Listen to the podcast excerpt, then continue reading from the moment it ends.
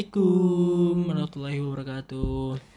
Jadi eh Bunda, Bunda Zara itu beberapa waktu yang lalu kayak apa sih? Pengen Pernah. pernah bikin question gitu ya. Iya di Instagram gitu kalau misalnya eh, mau ngebahas tentang perhamilan gitu di Hmm, karena podcast karena lumayan apa banyak yang eh, circle, apa yang circle mau kamu banyak yang nanya gitu kan. apa yang mau kalian tanyain atau kalian bahas apa yang mau aku bahas nih ya. gitu. Soalnya bingung juga kalau nyeritain kehamilan gue tuh kayak Banyak berkesan. enggak justru biasa aja. Oh, biasa aja. kayak enggak gimana gimana gitu loh baik- alhamdulillah tapi sih. banyak mungkin banyak yang pengen tahu karena eh, banyak yang teman kamu banyak yang masih umurnya sekitaran kamu dan lagi pada hamil. lagi lagi hamil atau, atau, lagi yang sebelum lagi, lagi menuju pernikahan. Mm-mm, kayak gitu. Pokoknya yang fase-fase itulah jadi so here we go Ya, oke kita mulai dari pertanyaan. nggak usah disebutin namanya Sebutin, sebutin aja, aja, ya udah terserah biar tahu. Oh nih dari ini dulu deh. punya. Pertama dari Faradila Adih cie. Cerita dong how to deal with pregnancy while you are working. Oke, jadi gue selama hamil ini full kerja dan Full gue tuh baru kerja. cuti tuh hamin 4 kalau nggak salah sebelum sebelum lahiran. Itu juga cutinya udah gue majuin karena ya udah gue pengen dimajuin aja padahal tadinya kayak pengen hamin berapa gitu hamin dua sebelum HPL tapi gue rasa kayak aduh gila kayaknya gue udah bentar lagi deh feeling gue udah nggak Iya. enak aja gitu ya udah tapi yang yang lucunya selama hamil itu kan kamu kerja ya maksudnya Hmm. setiap hari every single day Eh, berangkatnya itu sama aku ya. naik motor. Iya, gokil sih maksudnya. Tapi kan awal-awal Iya awal-awal kan Enggak. cuman eh, yang yang aku hebat juga ki- aku sih. Mesti kita kita selalu sugesti eh, selama selama naik motornya nggak terlalu nggak terlalu apa namanya nggak terlalu ugal-ugalan gitu. Ya, mana-mana aja karena kan nanya ke dokternya juga nggak apa-apa naik motor asal pelan-pelan hati-hati Iya. kalau hujan hati-hati terus terutama dia nah eh, ngasih taunya kalau misalnya kalau hujan doang sih. Mm, jadi itu. Takutnya akunya yang sakit. Ya jadi aku jawab dulu ya. Jadi eh, how to dealnya sebenarnya eh, di kasus gue ini tuh hamilnya bisa dibilang hamil kebo hamil kebo tuh hamil yang kayak lo nggak muntah-muntah lo tuh nggak Ya. ngerasa sakit atau gimana gitu. Terus eh, apa namanya eh jadi selama kerja sebenarnya gue nggak ada masalah.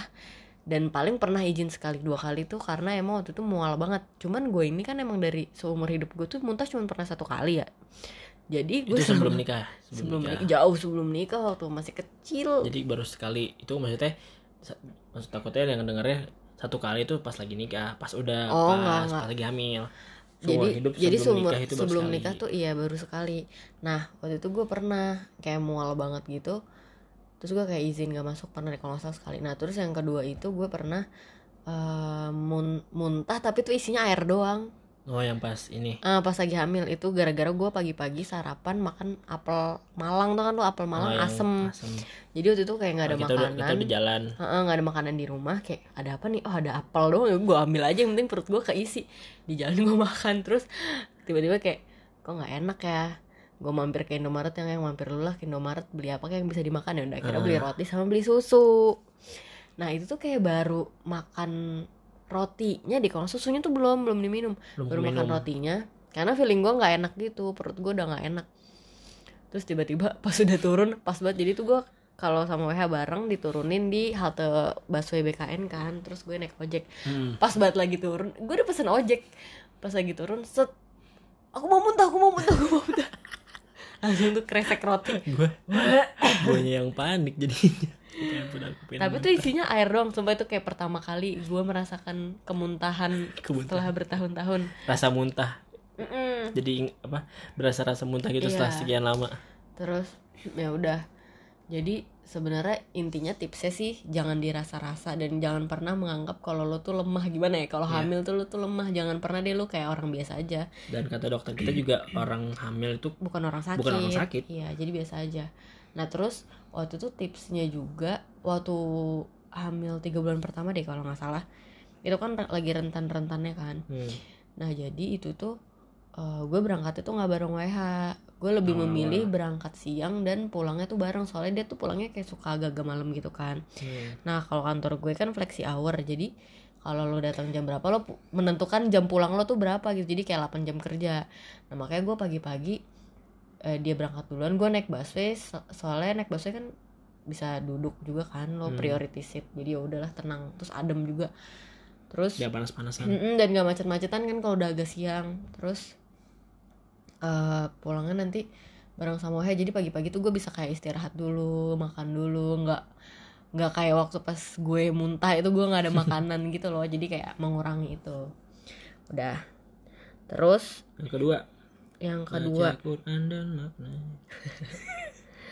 Eh buat kamu nih pertanyaannya Mm-mm. Gimana WH menghadapi perubahan hormon dan emosi lo ketika hamil? Dari Fatimah Azhara Asek. Apa ya? Ya nanggepnya dia biasa aja gak sih? Hmm, iya ya. Iya, maksudnya nggak Nggak tahu kamu nggak- gimana Apa ya? nanggepinnya. Aku ngerasain nggak ada perubahan amat ah. Maksudnya hormon kan iya sih maksudnya lebih gampang lebih gampang baper cuman nggak yang bikin tiap hari nangis gitu nggak sih? Iya. nggak ada maksudnya nggak nggak nggak neko-neko lah jadi suami yang nggak neko-neko ketika istrinya hamil maksudnya ya udah. Itu juga aja. itu juga ditanyain sama Farnov sih. Apa? Yang yang harus dilakukan suami Oh. saat istri hamil. Sama ya. sama sih maksudnya. Jangan rese kayak gitu. yang rese. Sama sa- Sabar. Sabar. banyakin sabar. Pokoknya banyak banyakin ngalah lah. Sama harus sayang apa sih? Bukan harus sih sayang kalau harus memang eh jadi lebih sayang ke istri. Karena kan istri hamil itu kan karena perbuatan kita juga. Kita tuh nanam saham di situ. Jadi apa ya? Kita harus sayang sayangin nih. Eh, Iya, dia misalkan mengandung anak lo coy. Mengandung anak gua nih. Masa gua harus bikin dia menangis gitu kan? Kayak nggak make sense aja gitu kan? Jadi eh, harusnya harus lebih baik. Kalau misalkan sebelumnya lu udah sayang lu udah tingkatnya udah ada di 10 lu harus lebih lagi. Harus berapa? 20? harus 20 Nggak, atau bisa 100 Wih, gitu. sedikit. Bukannya 100 tuh kalau lu udah melahirkan. Oh iya kalau udah menaikkan 100 ya intinya kayak bikin bikin seneng aja misalkan. Kalau lu ada rezeki lebih ya beliin apa yang istri lu mau Mantap. kalau rezeki lebih lagi ajak dia pergi yang bikin dia seneng maksudnya Kalau istrinya pengen makan apa? ya harusnya Go dibawain footin. go-footin Oh, gitu ya enggak. enggak karena kan beli. karena kan kamu nggak pengen apa-apa karena nggak nggak apa Nggak pernah sekali aku pengen taichan. apa sih iya sih waktu itu kan beli kamu tiba-tiba langsung ke Galaxy sampai Umi itu jam 10 malam terus Umi tuh langsung kayak Neng, Wafa mau ke mana Neng? Mau ke Galaxy Ngapain? Beli Taichan Astagfirullah Malah gue diomelin sama emak gue. Itu cuma sekali doang sih. Itu sekali-kalinya. Sekali kalinya Gara-gara gue bete juga Terus gue kayak Gue hukum apa ya nih orang? Wah, oh jadi itu gue memanfaatkan. bete. Gue memanfaatkan aja nih ham- kehamilan gue untuk menghukum dia. Parah parah. Terus dia langsung berangkat tanpa babi bu guys. Ya Allah aku seneng banget. Ya itu bukti kalau misalkan harus bikin seneng tuh kayak gitu. Hmm, Gitu. Contohnya. Terus kurang lebih seperti itu loh pokoknya setiap laki-laki punya caranya masing-masing kalau itu cara gua. Cara lo terserah dah. Cara yang terserah dah. Terus em, Oh abang nih abang nanya Kalau hamil sambil kerja puyeng gak sih? Puyeng ya. Kalau dikasih kerjaan ya puyeng lah. Mana sih lo? Maksudnya puyengnya gimana dulu nih? Kalau puyeng mikirin kerjaan ya puyeng Tapi kalau kalau puyeng puyeng- mikirin anak enggak Gue orangnya bawa santai aja sih Gimana ya? Jadi nggak terlalu gimana-gimana gitu. Kalau ya udah ketika gue kerja ya gue kerja. Ketika gue pusingin kerja gue pusingin kerja. Tapi ya kalau udah di rumah gue nggak ikut pusingin kerjaan. Kayak biarlah pekerjaan selesai di tempat kerja dan di rumah tuh waktu yang lain lagi gitu. Jadi kayak ya udah pusing ya pusing pasti. Cuman nggak pusing gimana gimana karena hamil gue alhamdulillahnya tidak em, apa tidak, macam-macam se- gitulah tidak semengerikan itu Ya alhamdulillahnya. Cuman emang gue juga nggak tahu nih ketika nanti gue ternyata hamil lagi itu Kedua, apa apakah akan apa sama? kehamilan akan sama atau enggak gitu kan beda-beda gitu loh setiap Iya, orang. setiap Setahu gue juga setiap, setiap kehamilan waktu. tuh beda gitu. Jadi misalnya anak pertama lu hamilnya kebo bisa jadi anak kedua enggak. Iya. Bisa jadi anak ketiga kebo lagi tergantung gitu-gitu lah. mood ya tergantung mood atau Enggak tergantung emang hormonnya tuh Iya, beda-beda hormon. gitu. oke Terus selanjutnya. Em, ini. Kan dari Tania Safani Kal kan kalau hamil itu bertiga ibu anak dan bapak ikut peran. Ceritain dong kak teamworknya. Oke. Terus sama merangkap ini dari Sarah Zahidah tips dan trik hamil kebo tapi lahiran normal jar. Karena aku hamil kebo lagi tapi nggak mau la- la- kalau SC lagi huhu gitu sama ya, itu berarti pertanyaan yang sama gak sih? Ya teamwork intinya Teamwork teamwork. dan gimana melahirkan pas lagi melahirkan. Oke. Oke. Teamworknya dulu. Teamworknya dulu. Kalau misalnya teamwork itu sebenarnya dari tim aku yang work. Enggak enggak. Ya intinya kalau yang kalau yang kita lakuin sih selama hamil tuh WH selalu berkomunikasi sama eh, janinnya kan. Mm-mm. terus aku juga walaupun aku tuh nggak pernah se kalau dia tuh ngomong Aku- guys aku sambil ngomong. ngomong. kayak assalamualaikum gitu. Kalau gue tuh kalau itu gue tuh salam dalam yang hati. salam yang kalian dengar di awal podcast ini adalah salam yang biasa aku ucapin ke Aiza waktu lahir. Eh waktu lahir. Waktu di waktu, perut. Hmm. masih di dalam kandungan. Assalamualaikum kakak. Dulu belum ada bayi, namanya kakak bayi kakak bayi. dulu belum ada namanya. Tahu disapa Ya, kayak misalkan gitu. kayak berangkat kerja pulang kerja kayak mengenali oh ini nih suara bokap gue gitu Hmm, ini betul. saya kayak ini baba Ini yang kayak Baba. gitu gitu terus gimana hari ini dibawa bunda kerja gitu-gitu Mm-mm, walaupun sebenarnya kagak ada jawabannya nggak ada respon juga cuman Iya. kadang gue selalu nanya gitu Biasanya kan nanya keadaan di dalamnya kayak Lucu. gimana kadang hal yang kayak gitu dirasa nggak perlu cuman ternyata penting loh ternyata penting iya terus kalau kalau kalau kalau gue tuh em, komunikasinya lewat ini sih lewat Batin. batin, gitu. Soalnya gue baca di mana juga tuh nggak apa-apa kayak gitu. Kalau ibu soalnya Kalau kan ibu connect iya, ada connectionnya gitu loh. Tapi lama kelamaan juga kadang ngomong ngomong-ngomong gitu loh Iya, iya. ngomong-ngomong sendiri. Terus abis tuh eh as a teamworknya misalnya kayak kalau gue butuh apa-apa pasti. WH ya nggak diambil saya kamu harus siaga gitu loh siaga. jadi bapak-bapak siaga Iya kayak misalnya gue karena sebagai ke mana, sebagai apa. persiapan juga sih pas lagi Iya. udah udah melahirkannya jadi nggak kaget pas lagi hamil kita udah ngebiasain buat ngebantu istri misalnya ngapain ngapain ngapain Iya. ngapain jadi pas lagi nanti pas eh, pas sudah selesai lahirnya akan lebih lagi. Jadi kita nggak kaget yang kayak ah apaan sih gini gini nih gitu. Iya. dan nggak apa ya jangan menganggap kalau hamil itu terjadi juga pada istri. Sebenarnya hamil itu ya bab ayah itu berperan juga. Ayah Hmm. tuh hamil juga gitu. Jadi cuman emang kebetulan secara physically itu ibu yang mengandung. Hmm. tapi sebenarnya yang hamil tuh ya kita berdua gitu. Jadi emang kebetulan dititipinnya di ibu tapi ya bukan berarti ayah tuh lepas gitu aja gitu loh. Kayak Iya. istrinya muntah-muntah bapaknya cuek aja tuh enggak. Terus kita tuh selalu SG berdua ya. Hmm. kamu pernah gak sih nggak ikut? Hmm, nggak. Nggak pernah kan nggak selalu pernah. ikut? Selalu selalu datang. Pokoknya setiap kontrol itu aku usahain eh, harus datang. Ya, harus berdua Harus gitu. berdua. jadi informasinya tahu nih dan sebelum kita masuk ke ruangan dokter tuh kita selalu diskusi apa nih yang mau kita tanyain Hmm. hari ini coba tulis coba terus gue tuh selalu bilang kayak kamu apa nih yang mau ditanyain kadang Hmm. dia yang lebih banyak pertanyaannya daripada gue gitu kan terus eh apa lagi ya kalau oh terus pernah jadi gue ikutan ini kan Iya, iya. ikutan em, Ikut pelatihan. pelatihan hypnobirthing karena emang gue tuh takut banget sebenarnya melahirkan jadi setakut awal itu awal awal awal awal tahu kalau hamil tuh eh, Bun Zara tuh apa ya awal awal dia takut gitu takut akan takut akan proses melahirkannya nanti di Iya. hari H.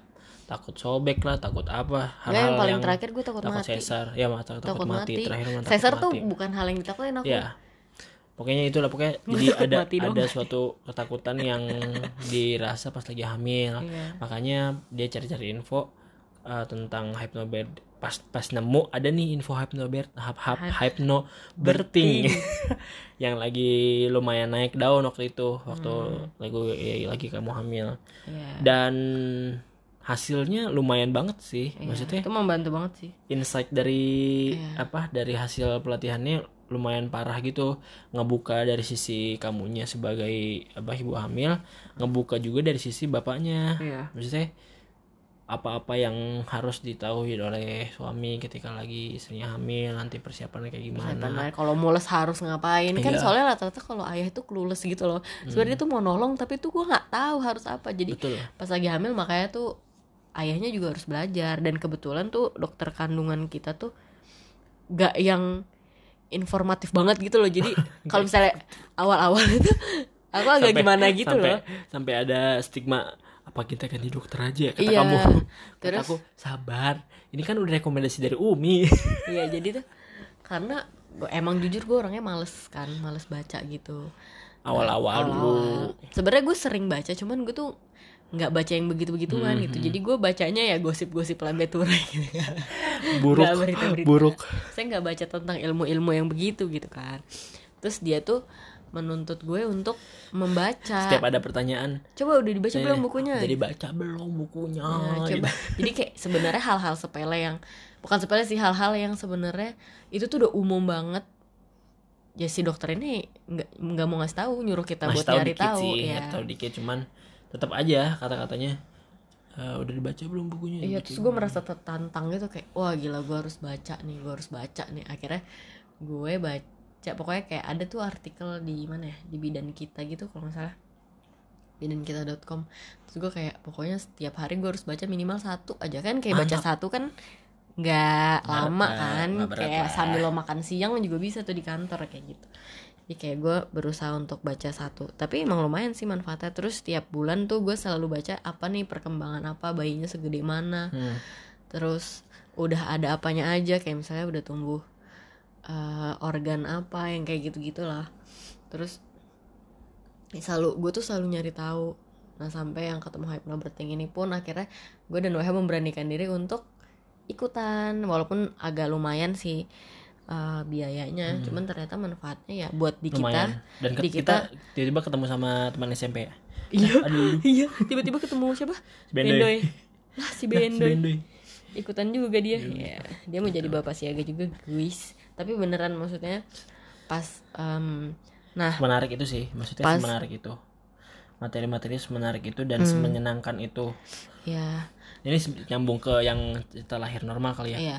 Pas hari H tahu jadi eh, oh pas ikutan tahu itu aku itu ikutannya pas 30 minggu deh kalau nggak salah. Itu tuh udah trimester berapa ya? Trimester 3 tapi maksudnya dari trimester 2 itu aku udah olahraga. Ya aku udah berenang. Jadi udah waktu sering dokternya sering olahraga Heeh, dokternya bilang, ayo eh, udah trimester 2 nih, kamu udah boleh olahraga. Kalau mau dari sekarang, Hmm. nggak mesti olahraganya tuh apa gitu. Yang penting apa nih yang kamu suka, stretching stretching aja. Terus apa yang gue suka ya gue lebih suka berenang sih daripada jalan kaki. Ya udah. Iya, padahal aku setiap hari kayak setiap minggu ngajakin jalan kaki itu. Ya. Padahal ujungnya makan. Terus gue kayak, oh yaudah deh gue renang aja. Nah kebetulan eh, temen gue yang hamil juga kan, si Tipeng. Tipeng. Iya Latifah. jadi kayak penting sih menurut gue untuk menemukan teman hamil Partner. iya partner lo selama hamil Selain suami ya. Selain Maksudnya suami. jadi bisa lo berbagi keluh kesah lo bisa berbagi ilmu bisa eh, olahraga bareng nah itu sih dan gue alhamdulillah punya teman-teman yang suportif sekali ya seperti Fatimah, Cabe, Marwa yang kalau gue berenang sama Tipeng tuh pasti dia ikut jadi setiap hari Sabtu tuh seminggu sekali tuh kita berenang. Khusus perempuan gitu kan tempat berenangnya. Itu salah satu ikhtiarnya juga sih. Ya. buat lahiran normal katanya kan eh, nggak boleh jadi ibu hamil kan nggak boleh diem diem baik gitu loh. Terus pola makannya juga dikontrol. Jadi bukan kayak "Eh, lo makan apa aja boleh karena eh, di dalam tubuh lo tuh berdua berdua berdua. Sebenarnya enggak. Sebenarnya makan yang cukup aja. Yang penting eh, lo tuh nggak nggak ngerasa kelaparan dan tumbuh gitu loh. Sebenarnya kalau selama bayinya tumbuh mah Alhamdulillah malah gue selalu diperingatin sama dokter gue Aduh Zahra ini naiknya banyak banget bulan ini. Kamu makannya banyak. Iya, ya udah dok maaf ya dok gitu gitu terus sampai gue pernah disuruh diet gula di akhir-akhir gitu karena bayinya Iya, udah gede di dalam kandungan udah gede. terus udah gitu nah pas habis hypnobirthing itu mulailah ikut eh, pokoknya pas trimester 3 gue ikut lah nih yoga yoga senam senam hamil yang kayak Hmm. gitu gitu nah kebetulan di deket kantor gue ada tuh cerita lahir di Kalibata setiap hari apa ya setiap hari Selasa kalau nggak salah jam tuh eh jam, 8 jam 8 nah kebetulan kan kantor gue kalau gue masuknya bisa jam 10 jadi bisa lah cuman sejam setengah kan. Jam 8 sampai jam setengah 10 kelar. Terus abis itu gue naik ojek deh ke kantor dan itu deket banget. Lumayan terus. Nah jadi kalau eh, yoganya gue biasanya di situ cerita lahir yang weekday. Terus pas udah masuk berapa minggu dia lupa. Pokoknya pas trimester 3 tuh gue kayak setiap Sabtu berenang. Terus Minggunya jalan. minggunya jalan. Terus weekday-nya yoga. Terus kadang kalau nggak berenang sehat banget deh terus fase-fase yang iya itu kamu pa- sehat fase banget. tersehat banget. Terus habis itu yoganya malah jadi dua kali. Pernah deh gue yoganya dua kali. Kalau nggak salah pas kali. udah pas udah masuk oh pas udah masuk tiga enam puluh tiga puluh enam minggu eh, dokternya bilang kayak Zahra udah jangan berenang lagi. Emang kenapa dok? Soalnya takutnya nanti kalau ketubannya pecah nggak tahu. nggak ketahuan. Katanya gitu. Kan sama-sama anget kan kalau berenang sama ketuban. Oh gitu ya kan? Gue nggak tahu ya. Belum pernah lahiran. Oh gitu ya dok. Ya udah pas selama gue nggak berenang itu jadi eh, gue yoga. yoga di cerita lahir juga tapi cerita lahir yang di pasar minggu kalau salah. Pokoknya gue selalu sama tipeng dah kalau yoga. Hmm. jarang sendiri gitu. Pernah lah beberapa kali kalau weekday itu gue suka sendiri. Soalnya kan beda jadwal. Nah terus sama hari minggunya jalan kaki dari rumah ke eh, pasar kaget di komplek gue gitu. Terus ujung-ujungnya sebenarnya makan. Kalau capek pulangnya minta jemput. Tapi rata-rata nggak sih pulangnya sih. jalan jalan kaki Pulangnya jalan walaupun gue kayak udah ah, gue mau nelpon IPA mau nelpon aku tetap support ayo yang bisa yang bisa yang semangat yang Iya kayak gitu. gitu. Soalnya kan sebenarnya power walk itu bukan jalan santai tapi Hmm. jalan dengan power. Jadi katanya tuh 5 km per jam Mm-mm. kecepatannya. Jadi bukan jalan yang peletet, peletot, peletet, peletot bukan gitu. jalan-jalan di mall Iya. kalau bisa aja, bisa jalan aja sih cuman tapi kan kadang jalannya. kadang kalau jalan di mall kayak nyantai Iya. lihat kanan mampir lihat kiri mampir gitu Cuman jadi nggak apa-apa kok guys jalan iya nggak jalan apa-apa nggak apa-apa jalan di mall Daripada lo nggak jalan sama sekali. cuman power walk gitu Iya. kan Cuman pakai power gitu. Jadi kayak nah terus itu sih salah beberapa ikhtiar ya Iya. beberapa ikhtiar untuk kelahiran normal selain itu gue juga itu- ikhtiar buat SC maksudnya gini hmm, kita kan Prepare. ya kita prepare jadi waktu pas gue hypnobirthing itu dia kasih tahu coba deh dibikin birth plan walaupun sebenarnya birth plan gue tuh nggak yang kayak pakai word apa-apa apa gitu gue Hmm. cuman kayak apa yang harus gue A lakukan normal. ketika gue akan lahiran normal dan ketika harus sesar tuh gue harus apa Mm-mm. terus ketika gue kontraksi nanti tuh harus gimana dan harus kayak gimana skenario nya gitu jadi gue tuh udah mulai mikirin dari trimester. Pokoknya habis hypnobirthing tuh gue langsung mikir oke kalau misalnya kita nanti sesar tuh gimana nih? Eh, apa yang harus kita lakukan gitu. Jadi gue tuh itu karena itu kan sesar mahal banget kan. Nah gue mencari tahu biayanya pasti pertama. Terus kedua kita mau sesar di mana. Nah, akhirnya waktu itu hmm, kebetulan alhamdulillahnya di kantor RWH tuh nge-cover maternity. Jadi Yap. di asuransi itu kalau gue sesar pun ditanggung asal gue di kelas yang sama gitu.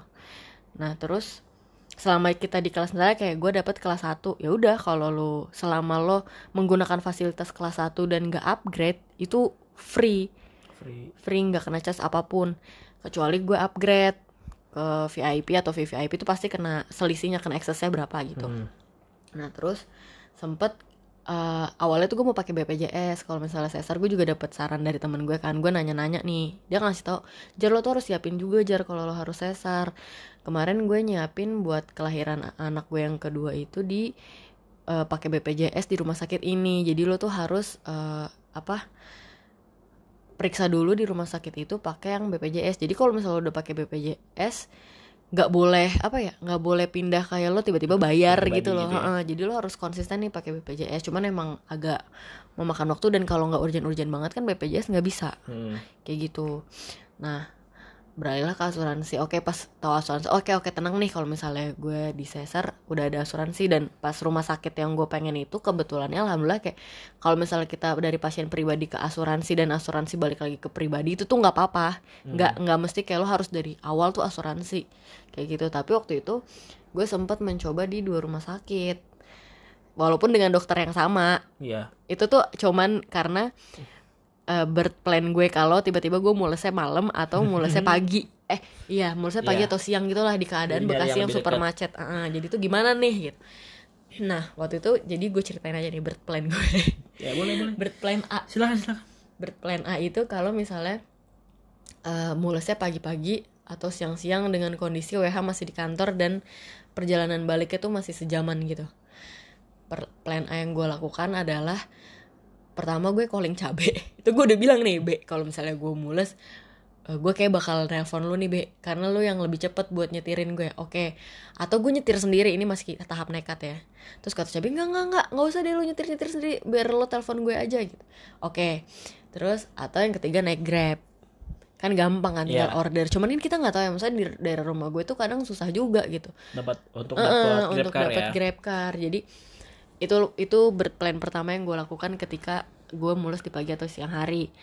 Dan kalau keadaannya macet gue eh, di Hermina Galaxy. Gue udah pernah gue udah pernah eh, Kontrol di kontrol di sana udah, pernah nanya. nanya-nanya. Pokoknya Kalau- sebelumnya tuh gue udah pernah nyari tahu nih dua rumah sakit ini gue bet- eh, apa kayak gimana prosesnya. Yang pertama di Hermina Bekasi dan yang kedua di Hermina Galaxy.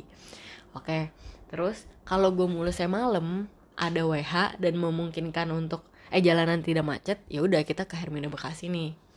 Gitu dengan ya udah di WH nyupir gitu kan. Aman kalau itu kan udah aman. Oke. Terus di situ tuh dijelasin juga eh, siapa yang mau ada di dalam saat lu tuh kalau mau kalau mau lahiran mau ditemenin siapa. Nah itu gue udah pernah discuss juga tuh sama dokternya dok kalau misalnya lahiran di sini berapa orang yang boleh masuk? Kalau kita pakai dokumentasi boleh apa enggak? Pokoknya gitulah sebelum lo melahirkan tuh lu udah jauh-jauh sebelum itu lu udah nanya-nanya udah bacot deh pokoknya. Mm. terus akhirnya eh, dia bilang boleh ditemenin cuman satu orang deh kalau nggak salah. Tapi saya mau yang nemenin suami kamu kata dokternya Iya. gitu. Terus gue, oh iya jelas saya juga mau dok. Gitu, dan saya bilang jelas juga dok. Iya. saya pasti nemenin. Gitu. nah terus gue nanya juga hmm, apa namanya? Dokter kalau misalnya gue takut banget digunting. Kan Iya. gue nanya sama gue nanya ke dia dok apa sih yang mengharuskan kalau misalnya kita tuh harus digunting? Itu kondisi apa yang bikin kita harus digunting? Terus kata dia saking parnonya kamu ya. terus jawaban dia kayak gini saya nggak pernah asal gunting saya udah lama banget nggak ngegunting kata dia gitu. Terus em, jadi ya sebisa mungkin nggak digunting kalaupun emang digunting saya bilang pasti saya bilang gitu. Iya. saya Zahra gunting ya gitu. Dia pasti bilang oh gitu ya terus gue kayak alhamdulillah gitu. Selama berarti selama lahiran gak ngeluarin kata-kata itu dia nggak pernah gunting gue dong. Iya. aman nih. Yang gue takutin aman. Ya, terus oke apalah eh, terus gue mencari tahu eh, ketika kondisi apa nih.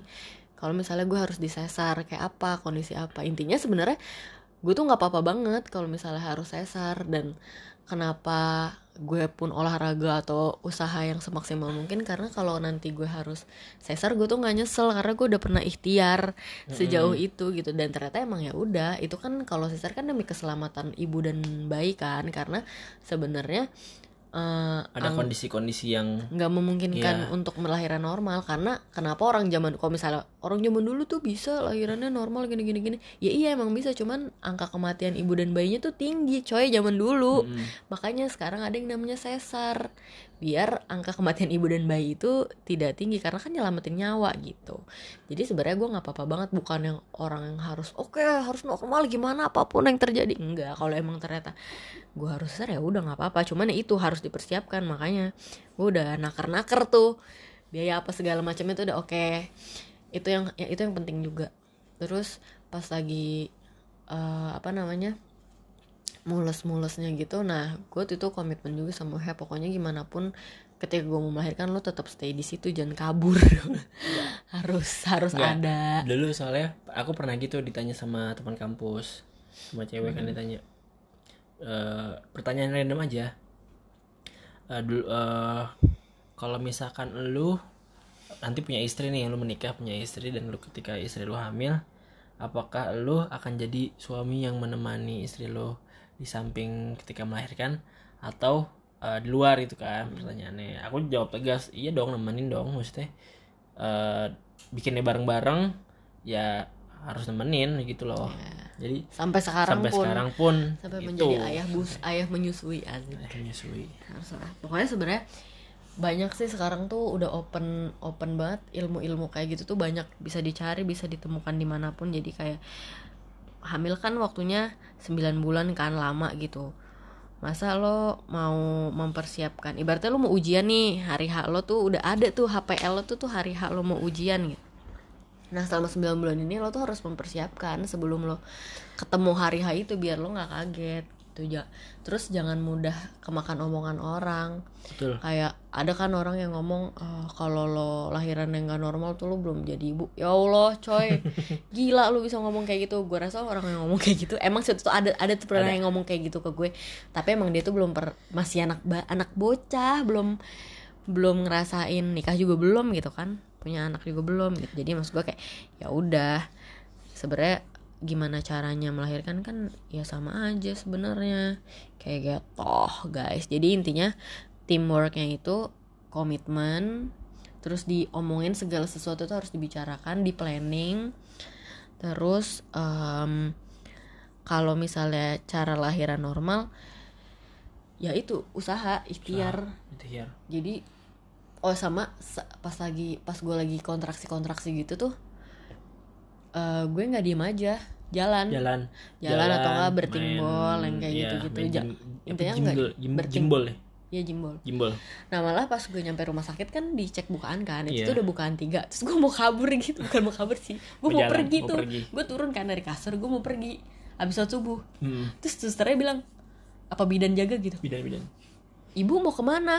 Mau jalan-jalan. Mau jalan-jalan. Jangan, terus gitu kan. jauh-jauh. Lah jangan jauh-jauh itu udah pembukaan tiga emang kenapa gue gitu kan? Terus kan, itu tuh udah pembukaan gede itu tuh udah tiga mau ke empat tadi. Oh gitu ya? Dia di sini aja kalau mau jalan-jalan jangan keluar dari ruang bersalin. Eh, terus gue bingung mau jalan ke mana anjir? Keluar keluar Iya. ruang bersalin kan pendek banget gitu. Ya udah akhirnya kayak udah lah ambilin jimbol aja. Ya udah gue main jimbol aja sambil gue makan sambil gue apa namanya min jadi bisa kontraksi nih datang set. Kayak gue main jimbol atau enggak gue kayak ngatur nafas ngatur nafas gitu terus udah selesai kan kayak kontraksi itu cuman anjay cuman. Cuma itu itu rasanya. cuma- cuma. itu kayak semenit semenit dua menit kan kontraksi lamanya. Dah se- setelah itu tuh gue kayak makan ketawa-tawa main hp segala macam sampai akhirnya dibukaan udah gede banget udah bukaan 8 udah kayak terkapar udah nggak kuat. Gue tiduran aja ya. Ya udah akhirnya pas tiduran itu diusap-usap lah apa segala macam. Pas udah kayak bidannya bidan apa jadi kan dokter kandungan gue belum datang bantu nih. Ya. nah ada nih ada kayak itu kayaknya bidan bidan yang bantuin kali iya ya. bidan atau sih nama sampai nama dia datang dan dia udah apa? dia udah da- apa nyiapin nyiapin alat-alat itu gue kayak widih gue mau mau lahiran. Nih." kayak gue norak banget. Norak banget gitu. Tapi deg-degan juga. Eh beneran nih gue mau ngeden gitu gitu tapi belum itu belum masih belum yang gue apa ya gue merasa Klimaks, belum belum klimaks. klimaks masih bisa bercanda itu masih bisa bercanda banget barulah pas sudah pas sudah nggak bisa diajak bercanda kayak weh ngedeket ke gue aja tuh kayak jauh-jauh lo gue nggak mau nyium-nyium nafas lo gitu-gitu galak banget anjir galak banget. fase-fase Ya, sorry, mau melahirkan sakit. galak Itu iya sakit. benar benar tahu tapi tapi alhamdulillah yang gue rasain maksudnya nggak separah yang orang-orang ceritain gitu kayak lo melahirkan itu sakitnya tuh begini begitu begini begitu. Enggak kok yang gue rasain ini ya yang gue rasain itu. Kayak lo tuh kalau pernah pup keras yang emang bener-bener keras tuh kan? Terus pas lo ngeden pala pupnya tuh keluar tuh plong tau kan? Itu rasanya sumpah itu rasanya kayak gitu kalau menurut gue nggak nggak sesakit yang orang-orang bilang gitu. Dan karena tuh kita selama ini tersugesti kalau melahirkan itu sakit. Jadi alam bawah sadar kita tuh udah sakit sakit sakit apalagi sakit nonton sakit. nonton sinetron sinetron yang Heeh. selalu menampilkan proses pelahiran kayak Iya. uh uh teriak-teriak. Padahal kan sebenarnya Sebenarnya nggak tuh nggak itu- baik itu kan, momentum yang sakral dan indah kak sebenarnya. Eh, ngabisin tenaga kalau kata dokter Iya. kalau teriak-teriak. Ngapain ngapain kamu teriak-teriak? Habisin tenaga mendingan tenaga kamu buat apa Iya. kan udah gitu. jadi gue tuh alhamdulillahnya nggak nggak teriak-teriak nggak teriak. Berusaha bukan ditahan tapi dilepas. Dilepas. dilepas itu bukan dengan teriak. Jadi kalau kalau lo uh, kontraksi Dengan, oh, itu. selain teriak apa coba? Apa? Megang baju suami keras-keras Gak, atau aku tuh lebih ke lepas. Dan dan selama kontraksi datang tuh lo tuh selalu zikir gitu loh. Bukan Positif. asik tapi beneran. Positif. Positif positif, gitu ya. datang lah positif. Jadi kalau kalau misalnya nih kontraksi datang kan orang biasanya ngepel. Oh. ngepel tangan. Kalau gue nggak ngepel gue dilepas. Jadi kalau ngepel kan senyum ya aku aku selalu bilang Senyum. senyum. tapi gue tetap aja nggak senyum senyum gini mungkin tapi maksudnya ya kalau kontraksi itu dilepas. Jangan di Enjoy jangan ya, ditahan enjoy. jangan digenggam jangan di, di pokoknya jangan ditahan deh dilepas dilepas dilepas dilepas gitu. Jadi lo tuh nggak berat. Lo tuh kayak ngebuang sesuatu bukan menahan sesuatu gitu. Sebuah tips sebuah tips. Sebuah tips. Terus kayaknya gue mau bilang nih kalau misalnya Aiza suatu hari nanya suatu hari nanya ke gue bun gimana sih rasanya melahirkan? Ya nikmat. nikmat. Eh, gue nggak gue nggak mau gue nggak mau banget bilang ke dia sakit. Eh, melahirkan itu sakit melahirkan itu susah gini. enggak enggak. Lahiran itu nikmat dan indah. Jadi Asik. itu dia nanti pas udah gede ketika melahirkan tuh dia nggak takut gitu. Hmm. karena gue tuh udah dari dulu tuh selalu diceritain proses melahirkan gue itu kayak gitu. Jadi kayak wah. Bikin itu nyokap gue umi pendarahan umi udah mau meninggal. Bingung gak lo digituin ya gimana gue nggak takut mati? Melahiran pasti gue takut mati lah. Oh jadi gara-gara itu? Iya pasti. Diceritain. Iya iya iya iya. Terus sama sering-sering nanya ke temen lo yang udah pernah lahiran. Pro- Hmm. baik yang sesar maupun yang normal. Jadi ditanya dulu lo tuh pas mau melahirkan prosesnya kayak gimana? Berapa lama? Dijahit apa? Eh dijahit gak digunting gak Eh, kalaupun sesar tuh kenapa dulu harus lo sesar gitu. Kan kadang ada alasan-alasan yang minus gue terlalu tinggi yang gitu. Ya intinya Terus- banyak bertanya kepada yang udah berpengalaman jatuhnya kan. Mm, kayak gitu-gitu pokoknya. Dan yang uniknya setiap orang yang gue tanya itu beda-beda prosesnya tuh jawabannya. beda-beda banget beda-beda banget. Normalnya si beda-beda A normal, sesarnya si beda-beda. B normal, si C sesar, jawaban A sama B beda, jawaban C coba apalagi beda gitu. iya pokoknya beda-beda gitu. Jadi lo tuh pinter-pinter mengambil apa dan mungkin cerita lo nanti juga beda juga gitu. Nggak bakal sama kayak gini. iya jadi nggak apa-apa. Jadi jangan jangan berpatok kalau lahiran tuh harus kayak A kayak B kayak C enggak. Jadi tuh lo pasti punya your own story asik, Asik. tapi lo tuh belajar dari yang lain untuk menghadapi itu gitu. Jadi tanya juga sama temen-temen lo gitu. Kayak gue banyak banget dan nanya ke orang. Sampai yang kayak udah melahirkan yang 4 tahun lalu sampai dia bilang aduh gue udah lupa jar. Rasanya nggak apa-apa nggak apa ceritain aja ceritain aja. Seingat lo deh seingat lo deh. Kayak gitu. Pasti teman-teman gue yang mendengar nih yang udah pernah melahirkan pernah ada yang gue DM ditanya. pasti pernah ada yang gue DM atau gue WA atau gue apa gitu. Terus sama oh ya satu lagi. Sebenarnya ini nggak ada di pertanyaan sih. Banyak juga yang nanya ke gue gini. Keluarkan, keluarkan semua, keluarkan. "Eh, lo kan keluarkan. matanya minus lo kan matanya minus itu kalau bisa lahiran normal emang minus lo berapa? Minus gue itu 5 silinder satu. Gue lupa deh. Pas lagi sebelum itu, nggak tahu sekarang. Iya, nggak tahu sekarang belum cek lagi. Ehm, lima. Kalau nggak salah silindernya satu apa 0,7 lumayan gede lah lumayan gede minus gue. Terus gue nanya juga tuh ke dokter kandungan gue dok eh, aku kan minus nih. Itu gue nanya pas trimester satu. Mm-mm. kira-kira kalau lahiran normal bisa nggak ya? Terus kata dia "Eh, sebenarnya yang bikin gak bisa lahiran normal itu bukan minusnya tapi coronanya kalau Hmm. corona lo retak ini korek korek me if I'm wrong ya ini se, se, seingat gue kayak gini percakapannya kalau corona lo kalau corona Pipih, lo kalau corona Pipih kamu retak Retak apa pipih sih? retak Retak ya. Itu disarankan untuk tidak eh, mengejan. Tapi kalau corona kamu normal-normal aja, itu nggak apa-apa. Makanya sebaiknya kamu cek mata dari sekarang karena kalau itu retak, itu bisa di laser.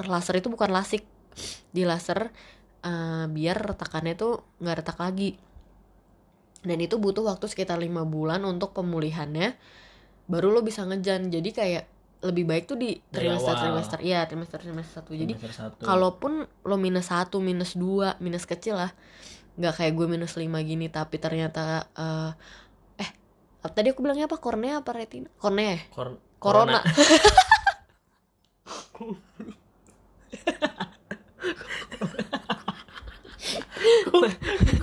Aku juga gak ngeh lagi. Kornea, mohon maaf. Kornea. Bukan corona. Kornea. ya korneanya sorry sorry guys. Kebanyakan corona. Iya, iya, iya. Retak jadi nggak boleh tidak disarankan gitu. Jadi terus gue cek deh ke dokter mata. Pas gue cek alhamdulillah dokter matanya bilang oh nggak apa-apa. Melahirkan "Eh, normal. Oh ya udah gue udah dapat approval. Jadi udah deh. Tidak ada yang menghalangi untuk eh, lahiran Lahiran normal, gitu tinggal ngumpulin biayanya aja Sama mental. sama mental gitu itu guys mungkin itu aja kali ya udah kepanjangan udah halu udah Udah halu. corona Udah corona. Jadi eh, beberapa pertanyaan tadi semoga menjawab apa yang kalian masih apa sih Ya. pertanyakan. Ya mungkin kalau misalnya ada yang mau nanya di luar ini yang misalnya nggak kejawab sama gue ya tanya aja. Tanya aja. Karena kita juga Kita bukan siapa-siapa. siapa. Pasti dibales lah gila lu. Udah. Oke, sekian aja dari kita. Assalamualaikum warahmatullahi wabarakatuh.